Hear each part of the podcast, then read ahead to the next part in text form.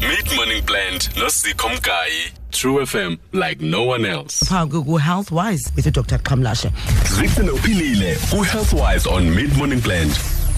gqirha masikwamkelana namhlanje Eh zikhona ndiyabulela mafako nam ndiyamkela nabaphulaphuli bakho. enkosi kakhulu udok namhlanje wethu siyabulela ngexesha lakho gqirha nje phambi koba siqhubele phambili ndirhalela into okokubana silungiselele aba bangakhange bawubambe lo mcimbi besincokola ngawo izolo ngaba besitheka nene istroke Eh. yintoni I-stroke sithe ukufa kwelungu lomzimba libulawa kukonzakala kobuchopho.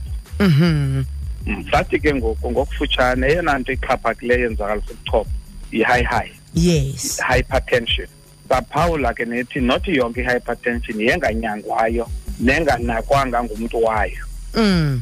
sathi ke ngokufutshane unaka kuko utya amayeza njengobugqirha betshilo ungayityityiwe ekutyeni ibikhona ibencinci okwesithathu uhamba-hamba ulula amalungu omzimba iwalk or mild exercise noba ulixekwazana uyahamba uye next door uphinde ubuye kusasa yiwalk i-exercise leyo Mhm. so ibaluleke kumntu wonke nokuyilinganisela kamafutha la yekutya izisuba zenkomele kwesingcwabo because amafutha ayenza ke ngoku ihayihayi ikwenza ibe nobungozi yes so nantso ke into esiphawule ngayo izolo zesigxininise kwi-high high nezo zinto lezibalulekileyo buzenze Mhm. Yeah. enzeke ingakwenzi istroke okay dok sithe ke eh, kwakhona sikhulu sithethile ngento yobana ingaba mhlawumbi ungayibona njani ixesha elininzi zeziphi iimpawu onothi uzijonge ubone into okokubana ubani lo noko sistroke esi ya siqale satsho into yoba ipain ayiyo yenye into ezijongwayo xa uzawuba nestroke nentloko Mm. amaxesha amaninzi abacinga bani uzawuqala ube nentloko Mhm. siyabetha istroke sikuqubula ungakhange ube nazo nenye ezo nto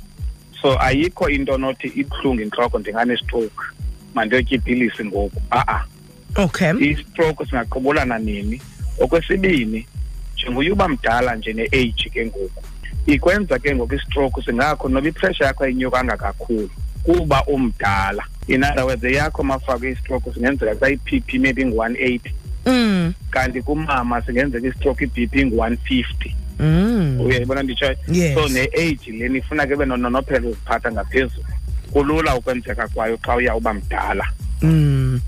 ndiyanqwenela ukwazi into yokuba ingaba mhlawumbi xa umama wam ebeye wasamhlasela okanye utata um ithetha ukuthi loo nto leyo nam ndisethubeni loba singandifumani zikhona izitoke ofumanisa uba zihamba negazi in other words zihamba efemelini ow zinokufuza okuthile Mhm. uyaqonda ufumanisa oku kufuza ngeli xesha ayikokwe-high high lonke ixesha yes when khona into engahambi kakuhle kwimithambo yobuchopho imithambo yakho i- iyekeyeke ebuchopheni Mhm. kude kuthiwa i-barrier aneurism kwabanye abantu ufumanisa iyathanda ufuza yeah kumba apha koomama yenze loo nto umthambo ugqabhuke noba ipressure enyukanga kakhulu but le nto ihamba nemfuza Mm. yiko xa kuthe wakho umntu onestroke ekhaya wamnye ngakumbi osemncinci nongaphantsi kwe-fifty years kubalulekile ke ngoku kuskrinwe nabanye bajongisiswe uyayiqonda yeah bake babhuculule ungathi kanti nabo banale nto yenze istroke komnye uyayibona yeah so ibalulekile loo nto because iyakwazi uhamba egazini ngeli xesha unobangela westroke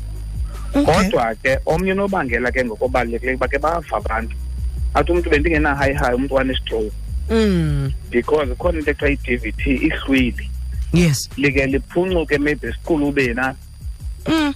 lihambe liyobetha ubuchopho bugqabhuka umthambo uyayibona nditsho ihlwili ke lihamba phaa emithanjeni okwelitye elihamba kupayipu wamanzi Yes. Ozawufike- ozawufika egopheni lalitye libethe laa payipu ugqabhuke uyayibona Mm. nehlwili ke lenza loo nto liphuncuke endaweni ethile emzimbeni ibinehlwili kuthiwa i-dvt fika abantu benemilenze kumbi kangumntu ophetheyo ixhaphakile abantu abaphetheyo Mm. umitha ke ngamanye amagama so Okay. ibalulekile ke loo nto i-dvt ijongwe because iyakwazi ukwenza istroke emntwini obengena-high high Mm. ya so zezinye zezinto ke funa siziphawule into ngamandla ngamanye emaphulaphula mababambe into ibenye xa kukho into ongayiqondiyo empilweni yakho chechwele ekliniki yeah make siwayeke amaceba aseteksini siwayeke amaceba asethaveni masamkele uyeso enkonzweni but le nto imedical mayidibane nonesi noba kuthiwa enkonzweni okay ungabuzi kumfundisi buza apha kunesi uyayiba Eh. kwalapha ecaweni baza kunika icebo elakhayo bagawenzele nale into ebalulekileyo kuyiprevent istroke kuba xa sesikho ke ngoku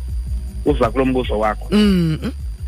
uphila kwaso ke ngoku kuyinto ende xa uthe wanethamsanqa kanti uzawuphinda uphile uphinde uhambe yeah funeka uye kwi-physiotherapist uhambe usolulwa uthweni ayizinto zilula kufumaneke ezo nto Mm. and namakhaya wethu uyawazi imeko esikhule kuzo namakhaya wethu uba Yeah. umntu ophi- oficala ngoku kunzima noyangasese kwalo nasifani Mm. nabelungelendlini Mm. yebo so ukwenzeka kwalaa nto ifika i-unleashe a burden on the family Yeah. yenze um- umthwalo ngapha kwengqondo kufuneka kubekho abantu abangaphangeliyo ngoku abanesa lo mntu Mm. uyayibona njalo njalo kwi-environment yepoverty ke ngezo nto zihambe ngoku bene-cascading negative effect apha ekuhlaleni Yes. so baphulaphuli masikhusele singabi nastroke Okay. do the right thing Alright doc, xa ngaba mhlambi ke ngoko eh, kokugqibela nje phambi kwandi kuyeke mm, wena mntu uthe mhlambi kwakho umuntu ohlaselwa sistroke u- ek- ukhona apha ekhayeni i- yeyiphi into yokuqala uma uyenze? into yokuqala uma uyenze mlalise ngendlela iyo bambi bade bathi bamve rhona Mm. okwakurhona kuthetha into yoba umoya ungeni kakuhle ke ngoku apha emqaleni Yes. so into ebaluleke kumqethukisa isilevisi Okay. uzame unyosa isilevu siye ngasemagxini ngaphakathi Mm. in other words uvula umoya ke ngoku uba uzihambele kakuhle ube Okay. sowubiza ke ngoku iambulance that's about all you can do and uba ngaba kukho into ebonakalayo esemlonyeni engamathe Mhm. uyosule ngento e-absorbent into ezawukwazi uyitsala enze bangamtsarhi Yeah. eyona ngozi kutsarhwa okanye stroke ngamathe wakhe Mm. naloo nto kanti bimnyukile uyayiqonda Yes. so nantso nje i-first aid onosinika yona mqethelekisa intloko ujonge umlomo and uqiniseke into yoba ke ngoku uphefumla ngendlela eyiyo uvula ifestile ubize iambulance Okay. enye nenye ke ngoku uyawudibana nayo phambili Alright. Doc Yeah, masibambe ngazibini sibulele kakhulu ngexesha Kuhle, lakho. Mafaka. Thank you very much. Nkosi Dr. Qhamlashe lona sicacisela ke nge-stroke. Find us online. Stream live on truefm.co.za. Uphinde usimamele kwi-DSTV channel 816. True FM ifumaneka kulo lonke eli like no one else.